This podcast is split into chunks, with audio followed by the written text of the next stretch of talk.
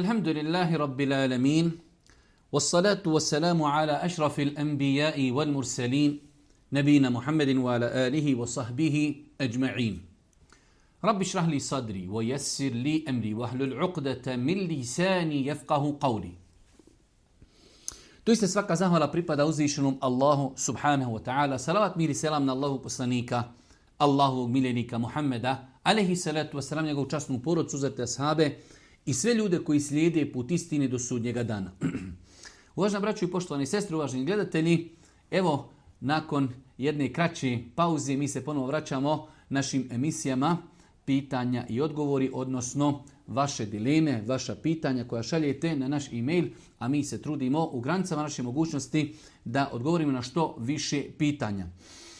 Moram spomenuti da u, ovoj, u ovom periodu u kojem smo imali pauzu, imao sam priliku da se sretnem sa, velikom, sa velikim brojem ljudi e, koji su mi ovu našu emisiju spomenuli e, u pozitivnom kontekstu e, gdje sam doista shvatio da treba da nastavimo, pa ako ništa, ako Bog da, da nastavimo do mjeseca Ramazana, jer smo mi nakon mjeseca Ramazana prošle godine i počeli. Mnogo osoba mi je sugerisalo da nastavimo, da oni porodično prate, gledaju, da su mnogo toga naučili, e, mnoge stvari koje nisu znali, naučili su kroz ova naša pitanja i odgovore. Tako da, eto, to je jedna dodatna satisfakcija meni da ako Bog da ustrajim, iako možda se to i ne primijeti i ne vidi, ali doista je potrebno mnogo truda da čovjek uloži u pripremanju ovakvih emisija.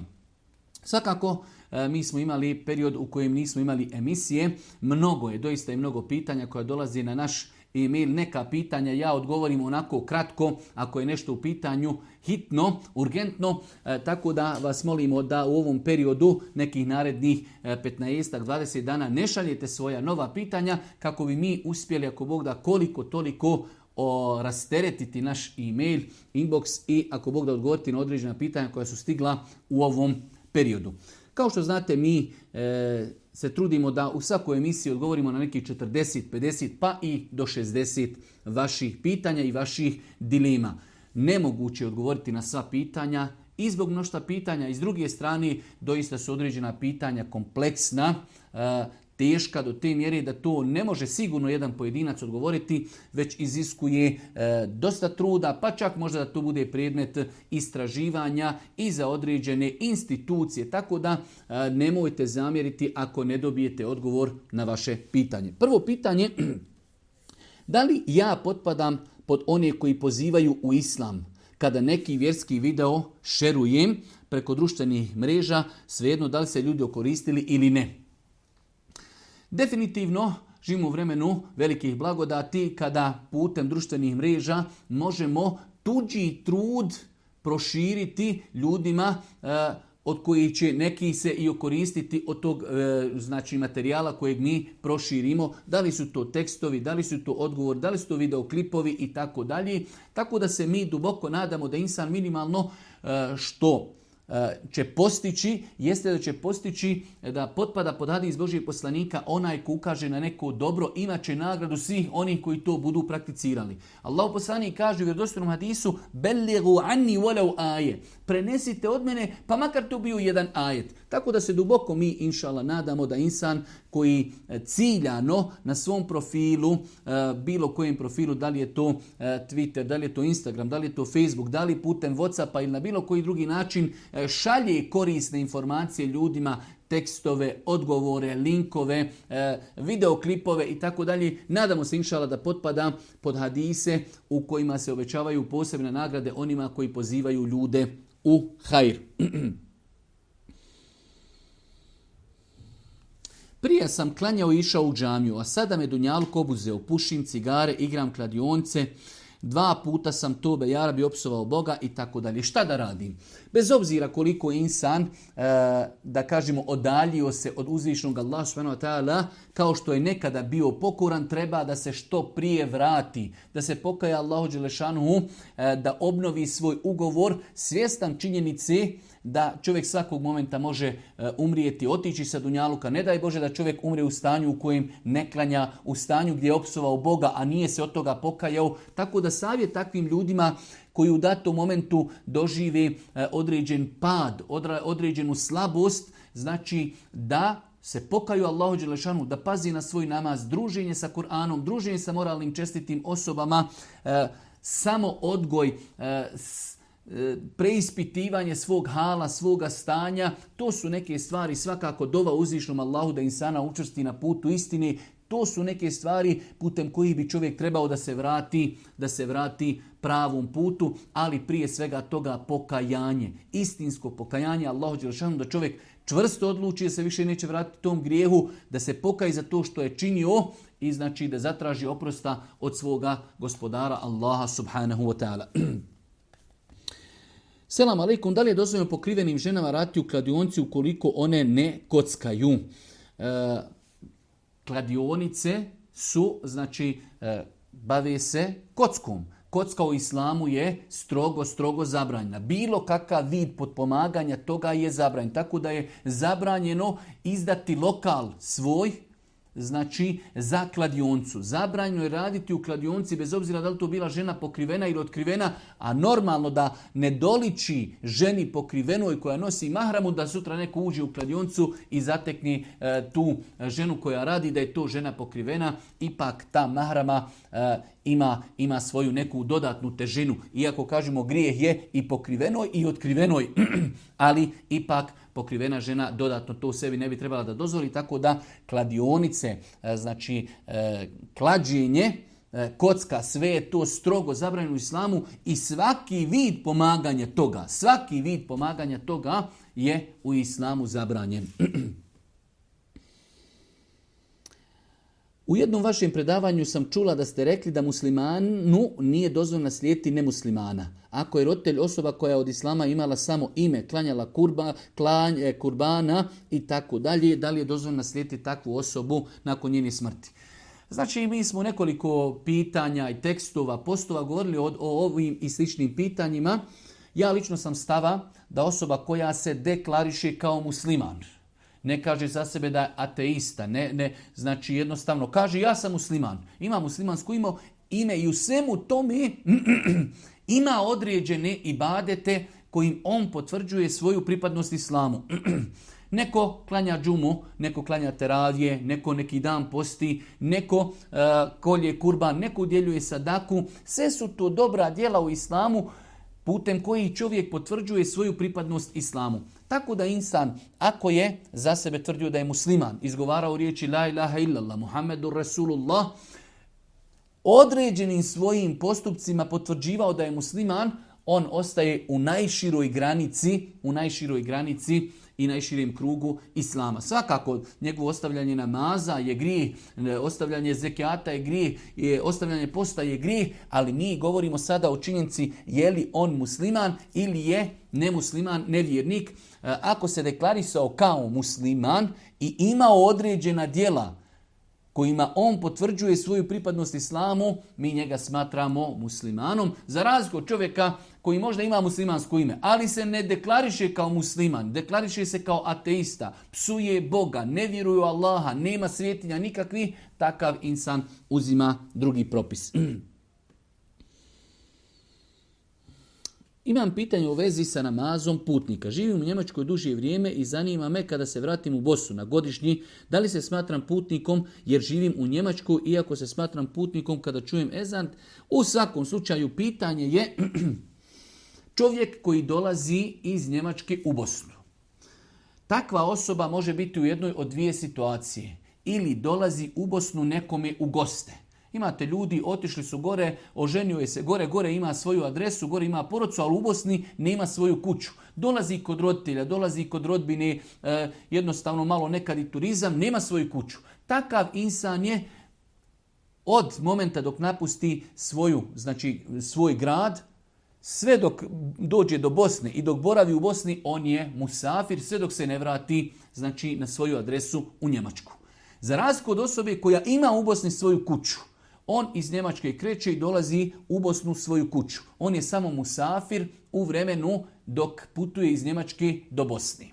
E sada ovdje imamo pitanje e, osoba koja je musafir, ako klanja u džamiji, da li će ona klanjati kao musafir ili će klanjati potpun namaz? Po konsenzusu islamskih učenjaka, osoba koja je musafir krati namaz, ali je došla u džamiju gdje ljudi klanjaju potpun namaz, četiri rekiata on mora da klanja potpun namaz za imamom.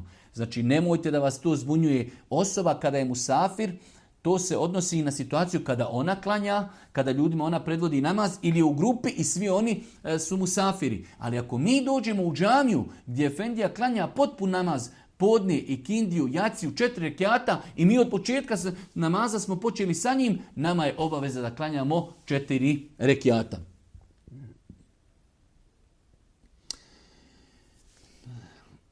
Moja dilema, u ikindijsku vremenu sam primijetio tragove spermi na donjem vešu, a već sam klanjao podni i kindiju, pa kako postupiti? Dakle, da li naklanjati namaze?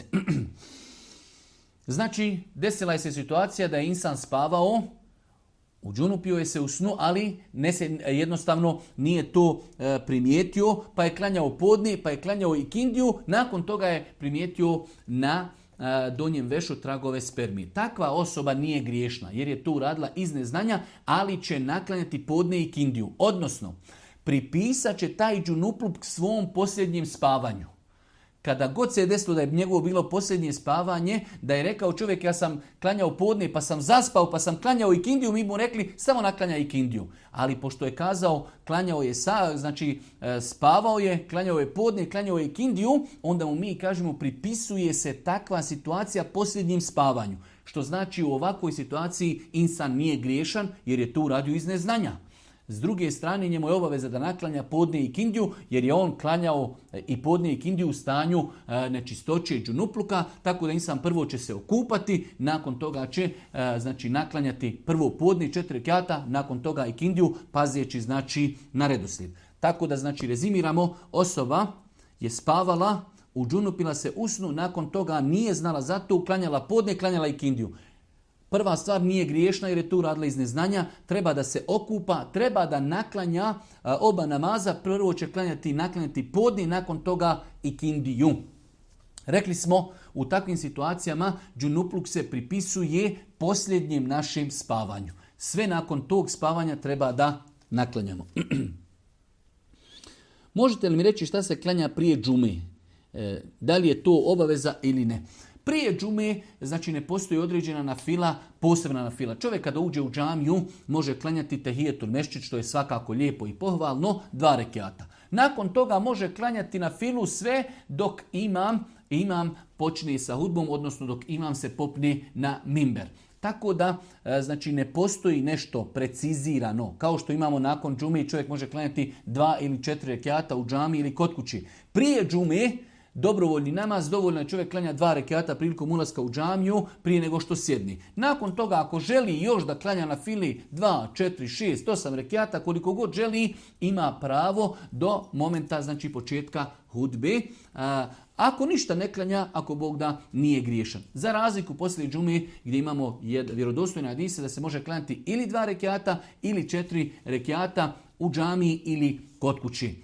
Za razliku, znači, e, prije džume nemamo precizirano koliko se klanja. Klanjamo minimalno dva rekiata tehijetul mesčida i ako hoćemo nakon toga još da klanjamo na filu. U Ilmi Halu se kaže i uči nas da nije timo prije nego klanjamo sunnete farze i tako dalje, dok neka braća u islamu su rekli da je to novotarija i da to nije i tako dalje. Mi smo više puta govorili o tom pitanju, e, izgovaranje nijeta na glas nije bila praksa Božijeg poslanika, ali se ratu sram njegovih asaba, niti prvih generacija. Tako da E, minimalno što se može kazati za takvu stvar jeste da je to uvedena stvar u vjeru novotarija. Da ne govorimo koliko to ljudima otežava, otežava vjeru da čovjek koji tek uči e, da klanja mora da nauči e, nijet za podne, za ikindiju, za akšam, za jaciju, za saba, za sunnete, za farze, za sunsunnete, pa za dženazu, pa za džumu i tako dalje, što je ogromno veliko opterećenje, a sve je to bespotrebno. Tako da, znači, E, je u srcu. Sama činca je čovjek krenuo da abdesti prema toaletu. Zašto abdestiš? Želim da klanjam podni. Stao si e, na seđadu, hoćeš da kažeš Allahu Ekber, šta želiš? Želim da klanjam sunnete, ja to znam u srcu. Dovoljno je čovjek samo kaže Allahu Ekber. Želim da klanjam podnevne sunnete. Allahu Ekber, šta klanjam? Klanjam farze. Pa je namjera nijet u srcu i nema potrebe da se izgovara riječima. Ako žena čovjeka zadovolja, zadovolji oralno, da li je njoj obaveza uzeti abdest ili gusul? E, kada su u pitanju intimni kontakt između muža i žene, bez obzira da li bili oni oralni ili nekakvi e, drugačiji, e, trebamo zapamti pitanje da je obaveza kupati se samo onda samo onda kada insan ili muškarac ili žena doživi ejakuliranje, doživi poluciju, tada znači poluciranje, izbacivanje sjemena, bez obzira da li se radilo o muškarcu ili ženi, tada postaje obaveza kupanje, kupanje onome koji je to doživio. Pa ako muž i žena imaju e, određene predigre, ako imaju znači intimno naslađivanje, ako jedno od njih dvoje doživi znači akuliranje sjemena, njemu je obaveza da se okupa. Ako su međusobno doticali spolne organe, onda svakako da su e, izgubili abdest, a može da im, da im nije obaveza da se okupaju. Tako da znači e, ovo pitanje, ako žena čovjeka zadovoljava oralno, da li je njoj obaveza uzeti abdest ili gusul, e, znači doticanje spolnog organa kvari abdest, ali ne obavezuje gusul. Ako su tokom intimnog naslađivanja neko od njih dvoje doživio ejakuliranje sjemena, tada znači osobi koja je mužu ili ženi to doživjela, obaveza je kupanje. Imam jednog amiđu koji voli da pije alkohol. Pomalo, ništa pretjerano. I on ponekada, kad on ne može, zove mene da mu kupim alkohol. Da li sam ja grišan ako mu to kupim? Da. Svakako, to što čovjek pije alkohol je grijeh ali je nama grijeh ako ga potpomažemo u tom grijehu, zato znamo da je Allah poslanik prokleo za alkohol deset osoba i onoga ko cijedi, onaj ko donosi, i onaj ko toči, i onaj ko kupuje, i onaj ko prodaje. Znači, sav taj lanac ljudi koji potpomažu e, su e, znači, e, prokleti u hadisu Božeg poslanika, ali se ratu sram, tako da čovjek iako ne konzumirao, njemu je zabranjeno da drugim ljudima pomogne i omogući konzumiranje onoga što je zabranjeno, tako da čovjek treba na lijep način da se izvini, da kaže izvini, izvini, molim te, to što ti radiš po islamu je zabranjeno, kao što je tebi zabranjeno, zabranjeno i meni da te potpomažim, u tome ne mogu ti to učiniti. Zanima me tesbih namaz, iako bi to mogli malo bolje objasniti. U svakom slučaju, u pogledu tesbih namaza postoji razilažen kod islamskih učenjaka. Allah najbolje zna, Allah najbolje zna hadisi koji govori o tesbih namazu.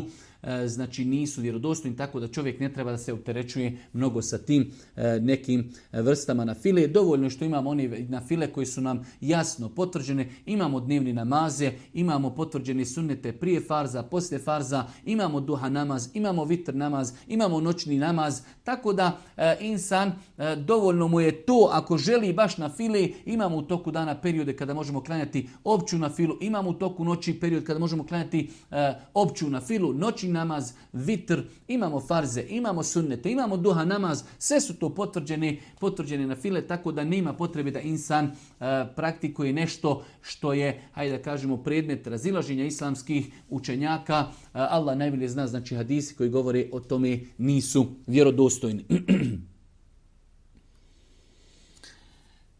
Malo čudno pitanje, ali rekli smo da nekada odgovorimo i na čudna pitanja, zato što ipak E, to je pravo tih ljudi, a i jednostavno e, znači to je nešto što ljude muči. Da li možemo imati djecu u džennetu sa hurijama ili ne? Od Ebu Sa'ida el-Hudrija se prenosi u vjerodostojnom hadisu da je Allah poslanik rekao ako vjernik u džennetu poželi dijete, on će istog časa ono će istog časa biti začeto, rođeno, odraslo i kakvo on poželi, muško ili žensko. Generalno postoji jako razilažen kod islamskih učenjaka da li e, u e, džennetu ima takozvana ta reprodukcija. E, znači, ovaj hadis ukazuje da čovjek ako poželi dijete u istom momentu i dijete će se začeti i roditi i odrasti i bit, bit će muško ili žensko ono što on hoće u istom momentu. Ali opet s druge strane imamo jako mišljenje da to nije osnova dženeta. Osnova je dženeta uživanje, nije reprodukcija. Tako da, znači, u dženet Allah Đelšanu će, e, nakon što ljudi uđu u džennet pa bude još praznih mjesta, Allah će stvoriti određene ljude pa ih nastaniti u džennetu, a ne da ljudi reprodukcijom popune ta mjesta. Tako da Allah najbolje zna u džennetu osnova je da nema reprodukcije, nema djeci, ali evo Allah Đelšanu i svoje milosti je dao ljudima ako neko i poželi dijete, Evo na ovaj način kako je spomenuto u ovom hadisu i mama Tirmidije koji je hadis vjerodostojan da je Allah kazao kada čovjek poželi da ima dijete ono će se u istom momentu i začeti i roditi i odrasti i biti onako kako on želi muško ili žensko. E, pitanje o suri Mulk.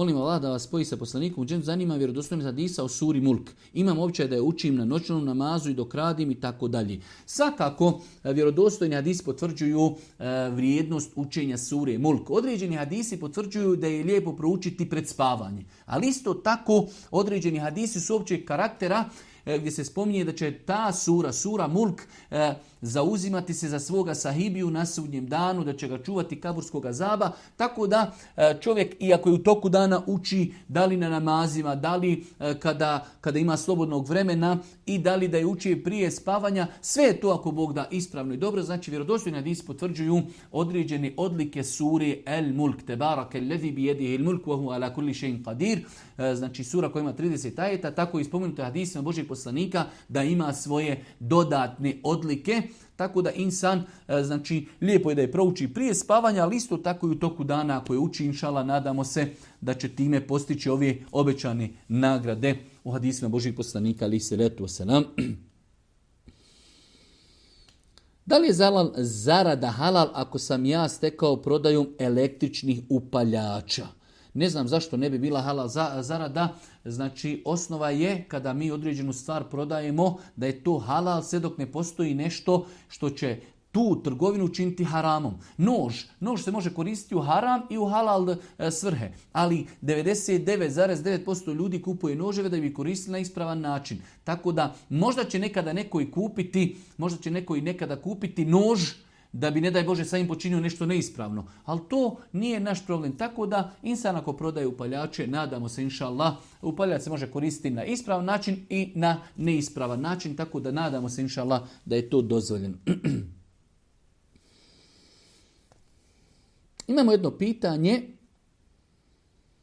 a to je Mene zanima, znači žena nakon što nam je pojasnja da ima određene kolegice koji su uz nju prihvatile određene stvari od islama, počele klanjati, ali ne nose mahramu. Pa kaže na kraju, mene zanima koliko vremena treba da prođe, a da redovni namazi ostavi traga na insana. Prije svega mislim na garderobu jer ne nosimo hijab i tako dalje. U svakom slučaju teško je o tome govoriti da mi kažemo toliko dana, toliko mjeseci, to nije precizno. Ono što je dobro jeste da osoba zna da je uzvišeni Allah naredio, kada je u pitanju žena, hijab. E, uzvišeni Allah nam je naredio namaz. Hvala Allahu Đelšanu pa su ove naše sestre, djevojke, shvatili da im je namaz obaveza i to je najveća obaveza u islamu. Ako Bog da, znači redovnim obavljanjem namaza, razmišljanjem o onome što uči, svatanjem namaza, doći će vrijeme kada će one, ako Bog da, početi nositi i hijab. Ne postoji nešto sada što mi kažemo da možemo precizirati nakon 15 dana, nakon godinu, nakon pola godine, ne postoji, ali e, bitno je da žena zna da joj je hijab obaveza. Svaki njen izlazak iz kuće je dodatni grijeh i haram. Ako bude redovno klanjala namaz i razumio namaz ono što klanja i moli Allaha da je uputi, moli Allaha da je pomogne, ako Bog da ona će sigurno u jednom kratkom roku donijeti odluku i da nosi hijab, znači ali precizirati koliko vremena treba, ljudi su u tome razlikuju, neko će možda e, shvatiti to za 15 dana, a neko možda treba godina, nekome više ili manje. Ovo nije opravdanje, ne opravdavamo taj postupak. hijab je obaveza, svaki izlazak iz kuće je dodatni grijeh,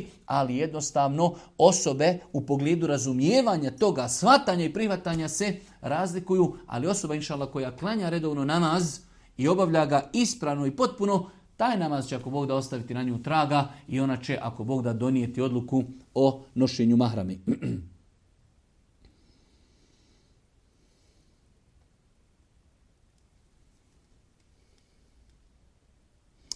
Pitanje e, žena koja je razvedena i nema mahrema za pratnju, da li može e, obaviti umru? U svakom slučaju, e, žena koja želi da ide na umru, po većini islamskih učenjaka, treba da ima mahrema. Mahrem, mi dosta puta mahrema smatramo znači preusko taj termin. I otac je mahrem, i brat je mahrem, i sin je mahrem, i amidža je mahrem. Tako da je veoma teško naći osobu koja nema mahrema. Ali se može desiti. Pa je znači mahrem svaka osoba s kojom žena ne može trajno stupiti u brak. I djed je mahrem, i otac je mahrem, i amiđa je mahrem, i sin je mahrem, i brat je mahrem, i tako dalje. E sada, ako se zaista desi da osoba nema mahrema, a želi da obavi umru, e, e, opet kažemo, e, prvo, prva stvar gledamo s aspekta fika, velik dio učenjaka je smatrao da žena tada joj nije obavezna da ide na umru zato što nema mahrema.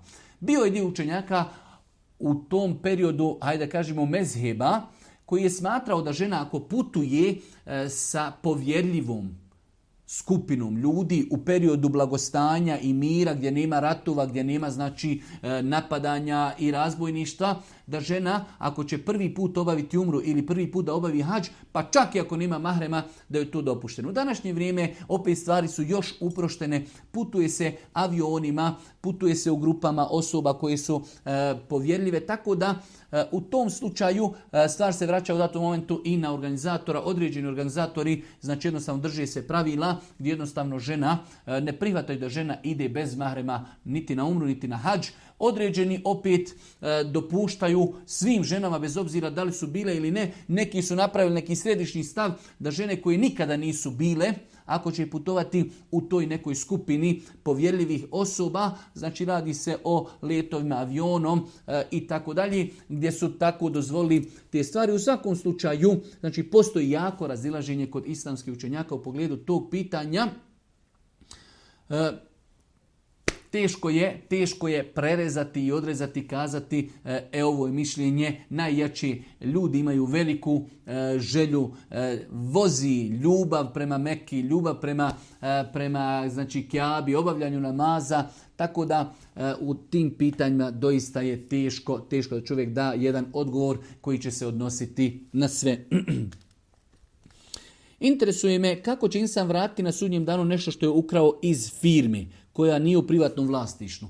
Čovjek kada ukrade nešto što nije njegovo, on će za to odgovarati, ne mora on to vraćati na sudnjem danu, ali će čovjek odgovarati. Znači ako čovjek obespravi firmu, bila ona državna ili bila privatna, čovjek će za to odgovarati na sudnjem danu sigurno. Da li je zabranjeno imati i kititi u kući božično drvce?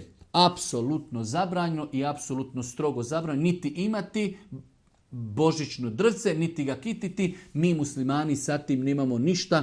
To je obilježje kršćanstva, tako da je to strogo, ali strogo zabranjeno, strogo zabranjeno oponašanje e, drugih e, ljudi i drugih vjera u onome što je vezano za njihovu vjeru.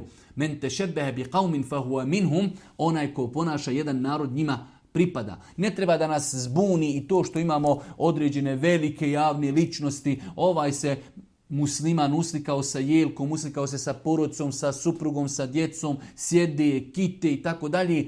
To ne treba da nas zbunjuje. Znači, islamski učenjaci su strogo, strogo zabranili da čovjek na bilo koji način učestvuje u obilježavanju nevjerničkih praznika, e, s druge strane, rekli smo, jasan je hadis Božijeg poslanika, vjerodostojno Ibn Omera, da Božji poslanik kaže ko oponaša jedan narod, prvenstveno se mislio, ponaša ga u stvarima koji su vezane za njegovu vjeru, koji su eksplicite za njegovu vjeru, fehuwa minhum, on njima i pripada.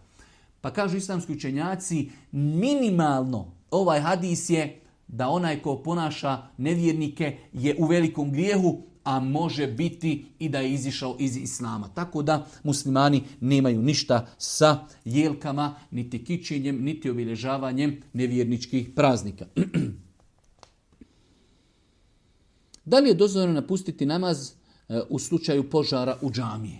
E, pitanje nako malo i nedefinisano, ali svakako da, da islam daje prednost ljudskom životu, ljudskom životu nad trenutnim obavljanjem namaza. Ali sada opet situacija može biti različita. Može se desiti da je to neki manji požar, može se da je veliki požar gdje moramo napustiti, otići, požuriti, zaštiti druge ljude. Generalno, ako se bojimo za sebe, ako se bojimo za druge ljude, ako ima potreba da nekog zaštitimo, sačuvamo, da ugasimo požar, nema smetnje da čovjek prekini namaz, da da eh, znači eh, pomoć onima kojima je potrebno da sačuva ljudske živote, da sačuva i metak, nakon toga će ako Bog da ponovo klanjati namaz kada situacija bude dozvoljavala.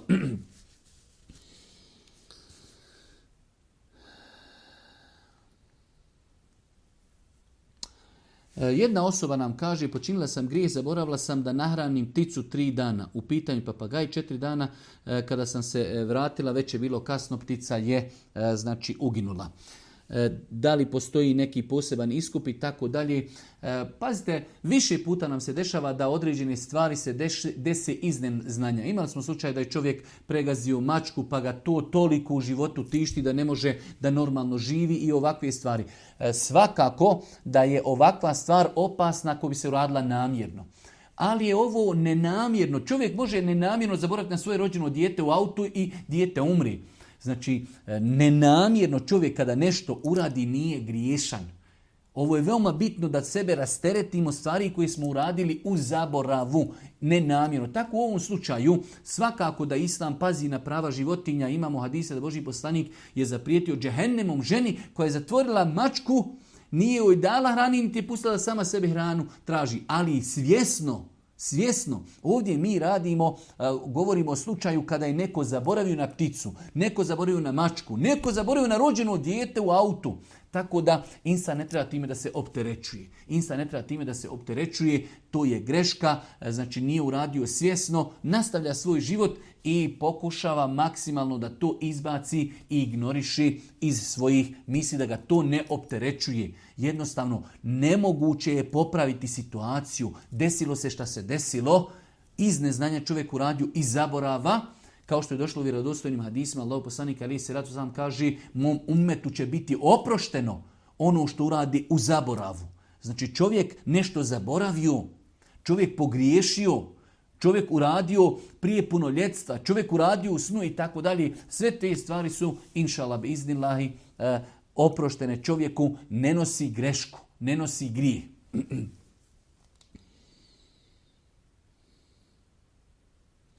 Da li je dozvoljeno muškarcu da gleda dio tijela eh, koji nisu avređeni, kao na primjer stopala, šake i tako dalje? Imamo dva, dva ovdje pitanja. Prva stvar, eh, tijelo žene kada je u pitanju šake i, stopala nije po konsenzusu da nije avret. Velik broj učenjaka znači smatrao je stopalo avretom. Imamo dio učenjaka od kojih hanefijski meze koji kažu da stopalo samo po sebi nije avret. Znači prva stvar, e, čovjek nas pita da li je čovjek muškarcu dozvoljeno da gleda u neki dio tijela žene koji nije avret. Pa navodi primjer stopalo ili šake. Stopalo po velikom broju islamskih učenjaka je avret. Samim tim, znači, čovjek treba da pazi, ako bi to i činio, po dijelu učenjaka on gleda ono što je avret. S druge strane, i sam taj hanefijski mezeb koji kaže da stopalo nije avret, ne iziskuje istoga da je čovjeku dozvoljeno da u to gleda. Jer to može čovjeku biti e, strelica i početni grijeh i znači početno razmišljanje da ne daj Bože počne činiti određene druge grijehe. Tako da znači čovjek treba da se trudi, da obori pogled kada je u pitanju žena i žensko tijelo, bez obzira da li taj dio tijela koji se vidi e, bio okarakterisan od strane učenjaka, znači da je avret ili ne. Najbolje da čovjek znači obori pogled od bilo kojeg gledanja u žensko tijelo, jer svi znamo vjerodostojno na kojima je Allah poslanik ali se ratu nam kazao da najveći smutnju i fitnu i izazov za muškarce ovog umeta koju je on ostavio jeste žena.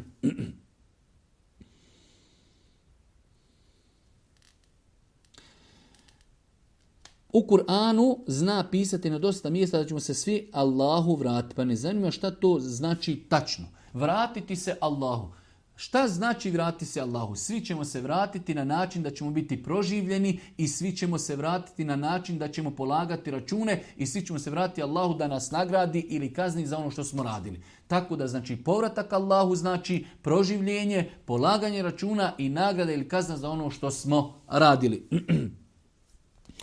Kako značenje ima ako se žena pokrije u petak? Je li dodatni sevap ili nema nikakvo značenje? Nema nikakvo posebno značenje. Znači kada je u pitanju petak, subota ili nedjelja, bitno je da se žena pokrije što prije. Svaki novi e, izlak iz kuće, svaki dan kašnjenja je novi grije. Pitanje, da li je dozvoljeno donirati spermu? Da li je dozvoljeno donirati spermu? E, na zapadu imamo nešto što se zove banke spermi, e, što se može, u većini slučajeva se koristi i zloupotrebljava se, ali se može koristiti na ispravan način. E, ako bi neko donirao spermu na način da da spermu i da je proda, da će oni nekome dati ili donirati, strogo je zabranjeno. Jer zato mi na taj način ne znamo kome je data ta sperma i koji je znači, e, nastao iz te sperme da znamo taj otac koje je njegovo dijete. Islam mnogo pažnje posvećuje potomstvu, lozi, mnogo pažnje posvećuje. Za razliku ako bi čovjek imao potrebu, primjer radi, znalo mi se desiti više puta slučaj da čovjek kaže imam određeni, očekuje me određeni e, hiruški zahvat, pogotovo kada su u pitanju e, znači spolni organ, testis i tako dalje. Postoji mogućnost da ću nakon operacije, znači e, neću više imati mogućnost e, da imam djecu,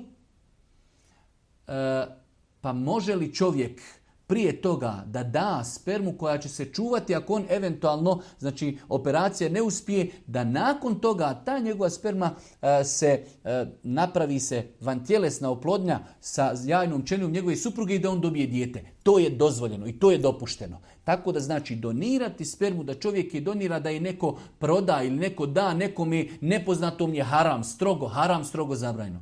Ali ako se misli da čovjek prije određenih operacija nakon koji bi mogao izgubiti mogućnost reprodukcije i potomstva, da ostavi spermu, da se čuva na posebne načine e, koji su poznati današnjoj medicini, pa ako se desi da operacija ne uspije i on nakon toga više ne može imati e, znači, prirodnim putem reprodukciju, može se koristiti njegova sperma za oplodnju jajne čelije njegove supruge, samo njegove supruge i da on na taj način dobije, ako Bog da, potomstvo.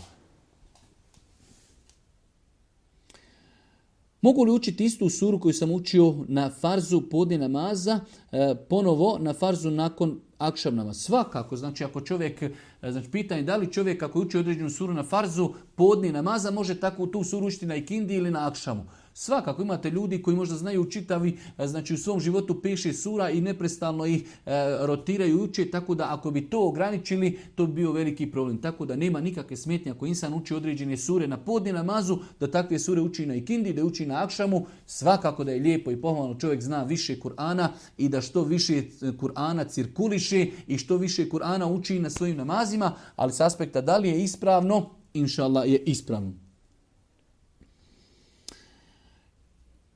Imamo više puta, nam ljudi postavljaju na poznata pitanja. E, rodio sam se, majka me je ostavila, nakon toga sam odrastao, nikada mi se nije javljala. U pitanju je djevojka, u pitanju je muškarac. Kada sam odrastao, e, upoznao sam svoju majku, ne osjetim prema njoj ljubav. E, da li mi je obaveza da činim dobročinstvo prema toj svojoj majci? Apsolutno da. Znači mi se pripremamo za sudnji dan. Ona je naša majka, ona je možda iz određenih razloga opravljena ili neopravljena nas ostavila. Mi ćemo o tome da govorimo. Mi se pripremamo za sudnji dan. Kada te tvoj gospodar sutra bude pitao jesi li činio dobročinstvo majci? Jesam a nju će pitati jesi li odgojila svoje dijete, jesi li ga pazila, jesi li ga izdržavala, pa neka ona priprema svoj odgovor. Tako da, znači, kada je u pitanju situacija gdje roditelji, otac ili majka ostavi djecu, ta djeca odrastu, znači sigurno su možda živjela i teškim životom, sve to je u redu, ali dobročinstvo prema roditelju ostaje obaveza Naša obaveza. Neka naš roditelj priprema dževab i odgovor kako će on odgovoriti gospodaru što je svoju maloljetnu dječicu ostavio, što ih nije odgajao, što ih nije izdržavao. On će biti odgovoran za to. Ali ne smijemo mi dozvoliti da grešku koju on učinio uzraćamo greškom. Ne. Mi se trudimo da zaslužimo Allahu subhanahu wa ta'ala zadovoljstvo i mi se pripremamo za sebe za sudnji dan. Kako će naš roditelj odgovoriti na svoja pitanja, to je njegovo pitanje, njegov problem. Zanima me ako pričam o nekoj osobi i ne kažem ime, a osoba sa kojom vodim dijalog o tome ne zna o kome se radi, da li je to ogovaranje, ne. Znači ako mi govorimo sa sagovornikom, pričamo mu o nekoj osobi, imate nekad, ajde da kažemo ljudi su lukavi, pa ono nisam rekao ime, ali čovjek zna o kome se radi. To je gibe, to je ogovaranje, bez obzira što nismo rekli ime. Ali ako mi pričamo o nekoj osobi trećoj, on ne zna o je se radi, ali mi govorimo određeno svoje iskustvo, ako Bog da to ne potpada pod gibet koji je strogo zabranjen prema islamu. da li se da li postoji utemeljenje da neko prije farza namaza u džematu uči tri puta suru ihlas, zadnji, a, zadnji ajet, subhan rabbi ke i tako dalje i fatihu? Ne postoji. Znači ne postoji nikakvo utemeljenje. E, kada je u pitanju muezin, rekli smo muezin u džamiji uči dvije stvari. Uči ezan, klanja se na fila, uči i kamet i nakon toga se ne uči više ništa. Zajednički zikr nakon namaza nije propisan. Tako da muezin Znači u džami radi dvije stvari. To su dvije osnovne zadaće muezina da prouči ezan, bude tu, klanja se na fila, kada znači dođe vrijeme da se uči i kamet, ustane, uči i kamet i to je sva zadaća koju radi muezin kada je u pitanju namaz. Ovom prilikom zanima me kakva su prava i obaveze supruge prema supruginim roditeljima prema suprugovim roditeljima, odnosno svekru i svekrvi. S obzirom da poznajem dosta slučaja kako mlade supruge kažu svekru i svekrvi da one po Kur'anu nisu duže njih služiti. Jedno kompleksno pitanje koje se može zloupotrijebiti ako želimo zloupotrijebiti određene stvari, tako da mnoge stvari u islamu se mogu zloupotrijebiti ako mi to želimo. Generalno gledajući, žena kada se udaje, udaje se za osobu za nečijeg sina i sve njene obaveze se vezuju za tog čovjeka. Ona treba da bude pokorna njemu, on treba da nju izdrža i tako dalje. On ima obaveze prema njoj, nema nikakve obaveze prema njenoj majci, njenom ocu, niti ona ima obaveze šerijetski prema njegovoj majci i prema njegovom ocu.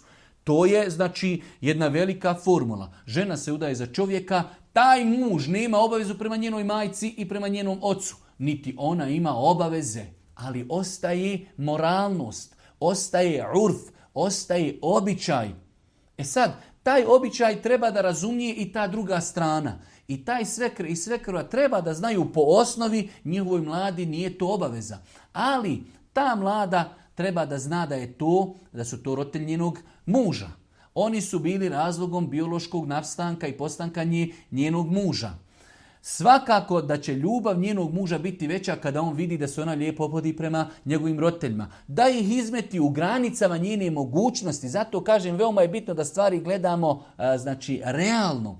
I taj svekar i svekrva ne treba da očekuju od te žene da bude rob, da ona bude kao njihova čerka, kao što su mogli sve narediti čerci, kao što je ona njih morala sve slušati. Ne, ovo je nešto drugo. Ali Znači, isto tako, ta žena treba da zna da njen muž će sutra urati mnogo toga u životu što njemu nije obaveza. Sutra se žena može e, razboliti, muž kaže, vidi, meni nije obaveza da finansiram ja tvoje, tvoje liječenje. Ne, ali Svakako da će muć, muž pomoći. Ili razboli se otac ili majka od njegove supruge, svakako da će on biti tu, poslati svoju suprugu da ih izmeti, poslati nešto novca, neku hediju i tako dalje. Tako da ne možemo kruto gledati na te stvari, već gledamo na običaj, gledamo s aspekta obje strane. I svekar i svekrva treba da razumiju, bez obzira možda to u određenom podneblju, nekim našim roditeljima teško shvatiti. Ovo ovo je islam. Kome se sviđa, alhamdulillah, rabbil alemin. Žena se udala za čovjeka. Ona ima obavezu da njega sluša. On ima obavezu da nju izdržaje. Kao što mužu nije obaveza da izdržaje svoga punca i punicu i da njima čini pokornost, tako isto nije ni supruzi. Ali u većini slučajeva žena je došla kod, e, živi kod svoga muža, dosta slučajeva oni žive zajedno e, sa svekrom i svekrvom, logično je da bi bilo harmonije, da bi bilo ljubavi, e, blagostanja, da ona čini određene usluge, da ih pohizmeti, da bude vesela, da bude nasmijana, da pridobije i njovu ljubav, ljubav svoga muža, ali isto tako svekar i svekrva treba i da znaju da to što ona radi, da je to jedan vid dobrovoljnog, dobrovoljnog, hajde da kažemo, e, hizmeta prema njima, tada će oni to njoj i cijeniti u datom u datom momentu. Nadam se, inšala, da smo to sve razumjeli.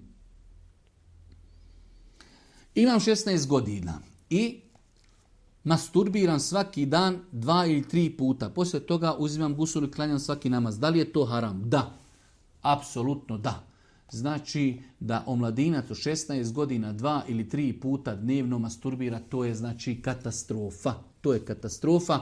Znači jedna veoma opasna, jedna veoma opasna i ružna navika koju treba da izbjegavaju, da izbjegavaju omladinci, tinejdžeri, e, znači islamski učenjaci e, u svojim fetama, u svojim knjigama e, smatrali su zabranjenim masturbiranje, Pogotovo pogledajte do koje mjere to ide da osoba dva ili tri puta dnevno masturbira, iako se on nakon toga i okupa i klanja namaz, ali znači čini ono što je, što je zabranjeno. Čini ono što je zabranjeno.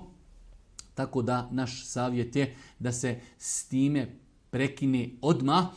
Svakako da masturbiranje nosi mnoge negativne posljedice kako za zdravlje insanja, tako i e, za određene stvari e, intime koji će sutra čovjek imati, imat će problema sa intimom i, i određenim stvarima koji se vezuju za njega i njegovu suprugu. Tako da, znači, islamski učenjaci u svojim knjigama su e, spomenuli jasno e, da je masturbiranje, da je masturbiranje zabranjeno, tako da ovo što radi ovaj naš omladinac je zabranjeno.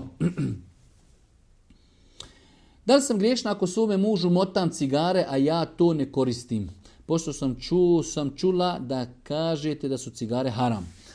E, govorili smo malo prije o alkoholu, e, ne kažemo da je duhan na nivou zabrane alkohola, ali isti je, isto je pravilo. Duhan je zabranjen, potpomaganje u duhanu je zabranjeno. Tako da otići nekom je kupiti kutiju cigara je zabranjeno, nekom je smotati duhan i dat mu sve je to znači zabranjeno. Tako da e, znači žena treba na lijep način da svome mužu pojasnemo, mu kaže E, konzumiranje duhana je haram i ti bi trebao da to ostaviš, Allah te nagradio, ali ako ćeš ti to i dalje rati, molim te, nemoj mene, nemoj mene sa tim umarati i petljati.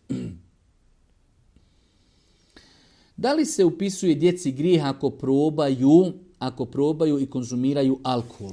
Mi smo više puta govorili da e, djeca koja su maloljetna po aspektu islama, po aspektu islama, ako su djeca maloljetna, ako ju radi određenu stvar koja je zabranjena islamu, taj im se grih ne upisuje. Ali svakako da roditelji treba da budu pametni, da budu moralni, da djecu odgajaju, da od malena ostavljaju grijehe, a ne da kaj pa dobro sada radi grijehe ako Bog da kada napuniš 15 godina ti ćeš to ostaviti. Navika je čudo, pogotovo kada su u pitanju poroci, duhan, alkohol, nargila, kladionce i tako dalje, tako da to što djetetu se ne piše grijeh ne znači da treba da to čini. Roditelji treba da daju sve od sebe da dijete odgajaju, da ga usmjeravaju, da ga kritikuju, da mu kazuju šta je za njega korisno, šta nije, da jednostavno dijete od mladosti i od djetinstva da stekne naviku ostavljanja onoga što je zabranjeno. Da li su žene za vrijeme poslanika klanjale iza njega u mešćidu zajedno sa ljudima? Da, jesu. Da li su žene za vrijeme Božijeg poslanika klanjale u mešćidu i za ljudi? Jesu.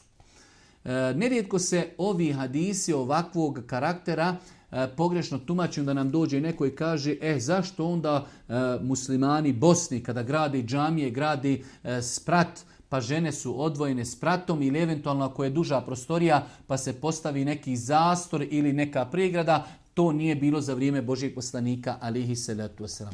E, prva stvar džamije Božijeg poslanika je bila izuzetno malehna u to vrijeme. Božji poslanik, alihi salatu wasalam, kazao je da je za žene najbolji saf posljednji. Znači, ako žene klanjaju u istoj prostoriji klanjaju muškarci, za žene je najbolji posljednji saf.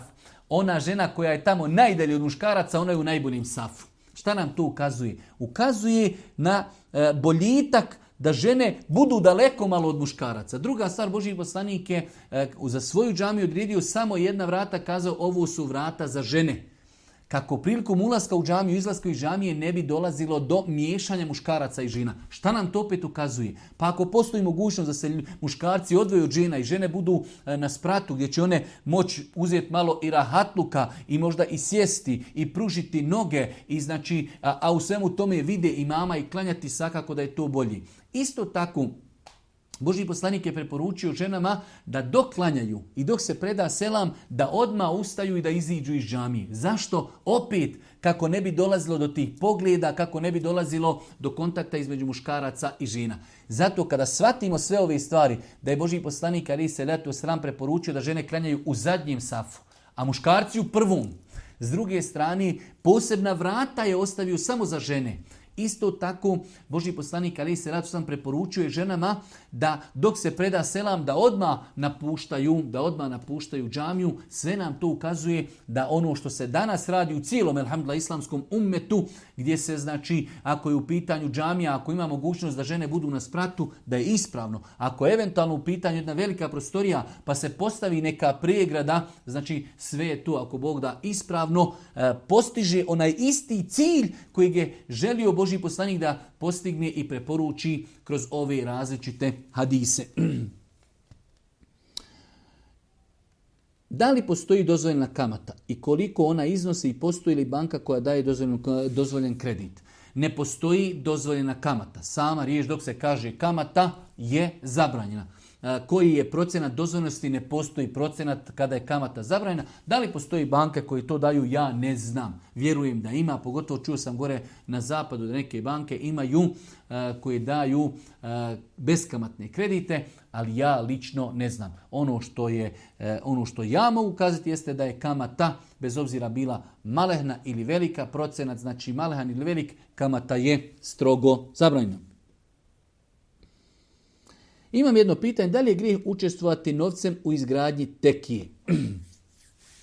jedno kompleksno pitanje, ali ako uzmemo temelje islama, lako ćemo dati odgovor e, kada je u pitanju islam i badeti islama, znači mi muslimani gradimo džamije ili eventualno što kažemo mesčide, mesčid je znači kao neka razlika, mesčid je e, mjesto gdje se klanja, ali nema munari, baš tako kod nas u kažu, a džamija je, džamija je mjesto za ibadet koji ima munaru. To je ono gdje muslimani treba da daju svoj novac, e, znači izbog zbog čega će biti nagrađeni. Tekije nisu postojale za života Božeg poslanika, alihi salatu wasalam. S druge strane, u tekijama se e, radi mnogo toga, mnogo toga, ali baš sigurno mnogo toga što je u čistoj koliziji sa e, islamom, sa sunetom Božeg poslanika, ali se wasalam, tako da čovjek musliman, vjernik, ne treba da svojim novcem podržava izgradnju takvih objekata.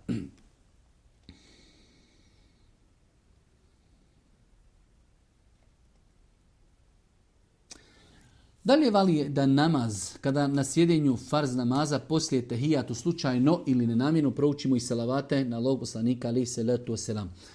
Koliko sjećam smo već na ovo pitanje odgovarali i dali odgovor znači ako osoba klanja i na prvom sjedenju namaza koji ima dva sjedinja, znači četvrrekatni ili trorekatni, na prvom sjedenju e, zamisli se i nakon učenja tehijatu počne učiti salavate, dalje je namaz ispravan, namaz je ispravan, nema nikakve smetnje, čak šta više, da čovjek u datom momentu i svjesno to prouči, ako Bog da njegov namaz je validan i ispravan. Tako da znači u namazima koji su trorekatni ili četvrrekatni, ako osoba nakon proučenog etehijatu i svjesno ili u zaboravu prouči e, salavate, njezin namaz je inšala ispravan i nema potrebe da čini sehvi seždu. Po vašem mišljenju koja dijela treba što više rati u ovom vremenu, e, u vremenu smutnji, e, kako bi se približili džennetu i koja dijela treba činiti kako bi se odaljili od džehennema. Mnogo je doista i mnogo dobrih dijela koja čovjek u današnje vrijeme može činti. Imamo dosta na internetu predavanja e, kako se zaštiti, sačuvati u vremenu smutnji, fitne, ali ono što je prvenstveno čovjek treba da se druži sa Kur'anom, čovjek treba da pazi na svoj namaz, treba da, da, da veliča Allaha zikrullahom, da ima lijepo društvo, nauka, naobrazba, sve su to znači e, društveno koristan rad, sve su to stvari koje čovjeka uz Allahu pomoći jačaju u vjeri. Pazi čovjek na svoj iman, uči Kur'an, iščitava životopis Božih poslanika, e, čita sunnet, slijedi Božih poslanika, ali se leto selam, obavlja ibadete, namaz, post, hađ, zikrullah, veličanje Allaha, naobrazba, nauka, društveno koristan rad, sve su to stvari koje će nam, ako Bog da, e, pomoći i ojačati nas na putu istini. S druge strane, ono što je najgori u, u vremenima smutnje jeste da čovjek se odali što više može od grijeha, da se odali od lošeg društva, da se odali od svega što će ga odvesti od Allaha. Znači, loše društvo, grijesi, ono što odvodi čovjeka od ahireta, e, sve te stvari čovjek treba treba izbjegavati kako ga ne daj Bože ne bi odvele od pravoga puta. Imam jedno pitanje, u nedomican suprinu je preselio i hoću da se prouči Teuhid na 40. E, a neki mi kažu 52. dan. Pa ako mi možete reći šta je bolji. Učenje Teuhida je novotarija i ne treba ga činiti ni 40. ni 52. dan.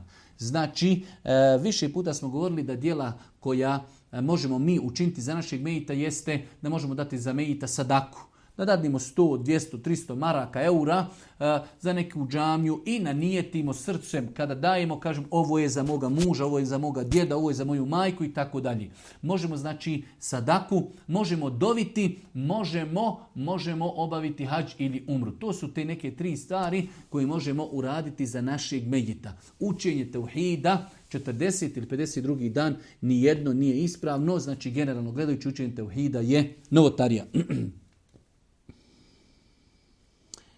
E, jedno malo pitanje koje je, vjerojatno neko je poslao da li iz Makedonije ili iz Kosova i Slovenije, uglavnom teško je malo razumjeti, ali pitanje je e, da li žena kada je na seđdi treba da podigne podlatice ili treba da ih spusti e, na zemlju. Tačno je da ne postoji razlika u namazu između muškarca i ženi. Sve kako klanja muškarac, tako treba da klanja i žena i obrnuto. Kako klanja žena, treba da klanja muškarac. Došli su jasni hadisi da Allah poslanik zabranio da se na sežnji spuštaju podlatice na e, zemlju i da se time oponaša pas. Tako da e, propis je općeg karaktera. I žene kada klanjaju treba da, kada spuste ruke na zemlju prilikom seždi, podlaktice treba da podignu od zemlji. Jedno malo duže pitanje. Čovjek ako je pio, činio blud, kockao, radio globalno loše stvari, ustane jednog dana i odluči da to tako ne može, želi da se vrati Allahu, ima li nešto posebno i tako dalje. E, insan koji radio različite grijehe, E, ima li nešto posebno kako da to ostavi i kako da se vrati Allahu. Ne postoji nikakva posebna procedura. Čovjek treba da se zaustavi, da prestani, da čvrsto odluči da to neće više nikada činti i da se pokaje Allahu zbog onoga što je činio. E sada, to su grijesi oni koji čovjek radio, koji se vezuju između insana i gospodara. Čovjek pio alkohol. Treba da prestani, da se pokaje i da odluči da se više nikada neće vratiti. Ako je grijeh vezan za ljude, nanijeli smo zlo i nepravdu nekome, onda trebamo ljudske hakove ljudima izmiriti da bi naše teuba i pokajanje bilo potpuno. Postoji li posebna procedura? Ne postoji. Žena želi da počne nositi mahramu. Postoji li procedura, e, dova, e, sjelo, kuplja, Ništa. Stavi mahramu i kaže od danas više nosi mahramu prilikom izlaska iz kuće. Bez ikakve komplikacije. Čovjek želi da ostavi blud, želi da ostavi alkohol, želi da počne klanjati. Od danas krećem. Bez ikakve, bez ikakve proceduri pokajati se Allahu zbog onoga što je činio, odlučiti čvrsto da čovjek to više neće raditi i pokajati se zbog onoga što je činio.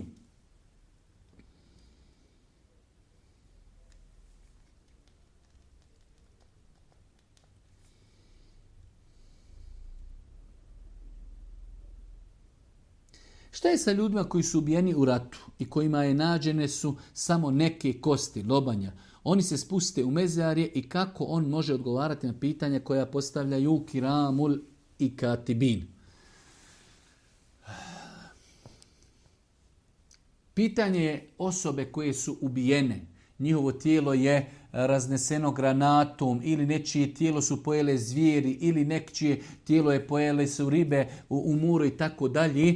Kako će ti ljudi odgovarati na ahiretu? Kako će biti uh, pitani u kaboru? E, moramo znati jedno veliko pravilo, a to je e, ahiretski život se potpuno razlikuje od dunjalučkog. I to kada naučimo završena stvar. Kada naučimo pitanje da se ahiretski život potpuno razlikuje od dunjalučkog.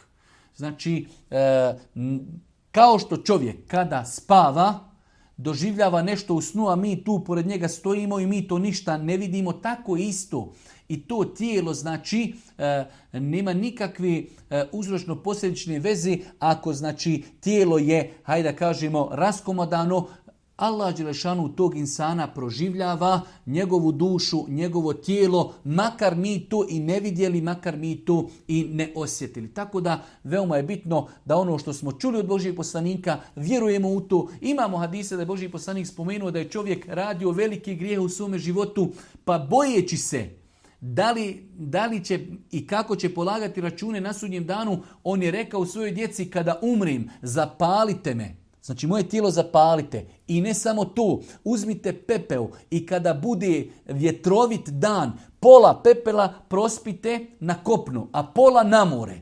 Pogledajte šta je taj čovjek uradio, zapalio tijelo, znači on je postao pepeo. Kada je bio vjetrovit dan, pola na more, pola na kopno i vjetar raznio pepeo. Pa ga Allah Đelšanu proživio. Allah Đelšanu je sve mogući stvari ahiretske se ne, e, e, ne razumiju na dunjalučki način. Znači, insan će biti proživljen, insan će odgovarati e, u, kaburu.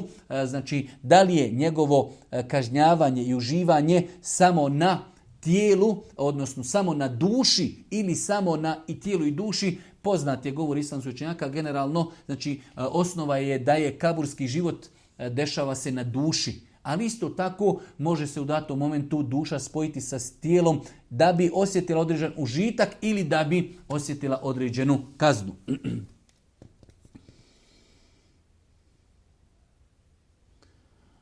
Čovjek koji kaže poranim često na, na, na džumu, pa prilikom ono džume prije džumije se uči jasini, uči se fatihe, pa da li čovjek da učestvuje sa džematom učenjem određenih fatiha koji se poklanjaju određenim e, megitima, nema potrebe, znači takav način, takav način e, prakticiranja ibadeta nije propisan, tako da čovjek e, neće učestvovati u učenju takvih fatiha.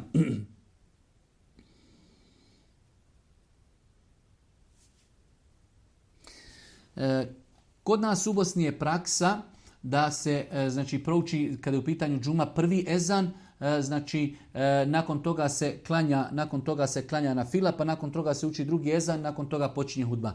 Da li ima smetnja da se klanja nakon prvog tog ezana? Nema smetnje. Nema smetnje pošto je to period e, kada je dozvoljeno klanjati na filu, tako da insan e, ako ustane i klanja dva rekiata ili četiri rekiata, inšala nije pogriješio, s tim što e, neće klanjati s uvjerenjem i ubjeđenjem da je to neka posebna na fila koja se vezuje eksplicitno za džumu.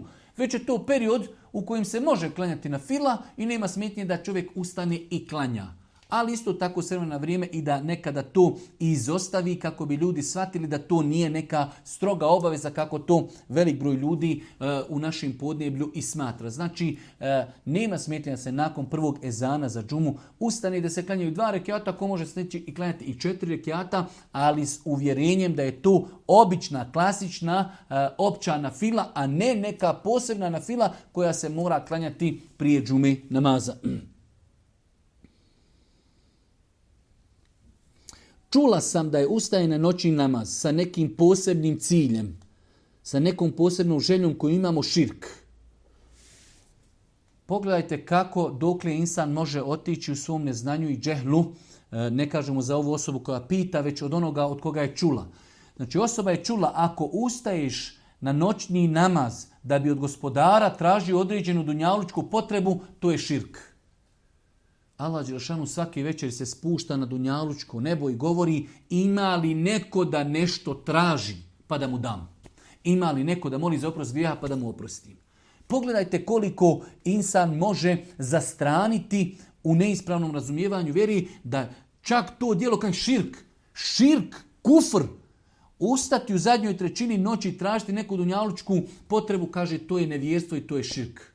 Dokle može insan otići u svome neznanju, pa je tačno da nema smetnje. Čovjek je bolestan, pa ustane u zadnjoj trećini noći, moli Allaha da ga izliječi. Čovjek želi, traži posao, ne može da nađe posao, pa ustane u zadnjoj trećini i moli ja, rab, Obskrbi me, podari mi dobar posao, hoću da se ženim, podari mi čestitu suprugu, hoću da kupim auto, olakšaj mi. Sve su to dunjaličke potrebe. Nema nikakve smetnje da čovjek ciljano ustani u zadnjoj trećini noći i da dovi Allahu Đelšanu neku od dunjalučkih potreba. Zadnje pitanje, da li je grijeh klanjati samo farzove u namazu, izostavljati sunnete i sun sunnete? E, problem nastaje onog momenta kad mi ne znamo što znači riječ farz i sunnet i sun sunnet. Znači riječ farz znači nešto što je obaveza, riječ sunnet znači nešto što je dobrovoljno. I onda mi postavljamo pitanje, da li je grijeh ako klanjamo obavezne namaze, a ostavljamo dobrovoljne namaze? Normalno da nije grijeh ako klanjamo obavezni namaze, ostavljamo dobrovoljni. Sama riječ dobrovoljni. Ali isto tako čovjek treba da se trudi u granicama svoje mogućnosti da što više dnevni na file klanja, pogotovo kad su u pitanju 12 rekiata potvrđeni suneta, da klanja duha namaz, da klanja vitr namaz, da klanja noćni namaz, ali sve su to dobrovoljni namazi. Ono što nam je obaveza jeste dva rekiata sabahski farza, četiri rekiata podnevni farza, četiri rekiata ikindijski farza, tri rekiata akšamski farza i četiri rekiata jacijski farza. To je stroga obaveza za koju ćemo biti pitani. Sve uz to, ako Bog da je dobro, pohvalno i lijepo. Kamo sreći da naši bošnjaci svi kažu mi od sutra klanjamo samo farze. Ja bi se potpisao i rekao ja ili vedim vam dajem dozvolu samo klanjajte farze i ako Bog da uspjećete. Molim Allah subhanahu wa ta'ala da nas učiti na putu istine, molim Allah subhanahu wa ta'ala da bude milostiv na sudnjem danu i na kraju subhanaka Allahumma bih bihamdike, Šedu la ilaha illa oh, oh, wa oh,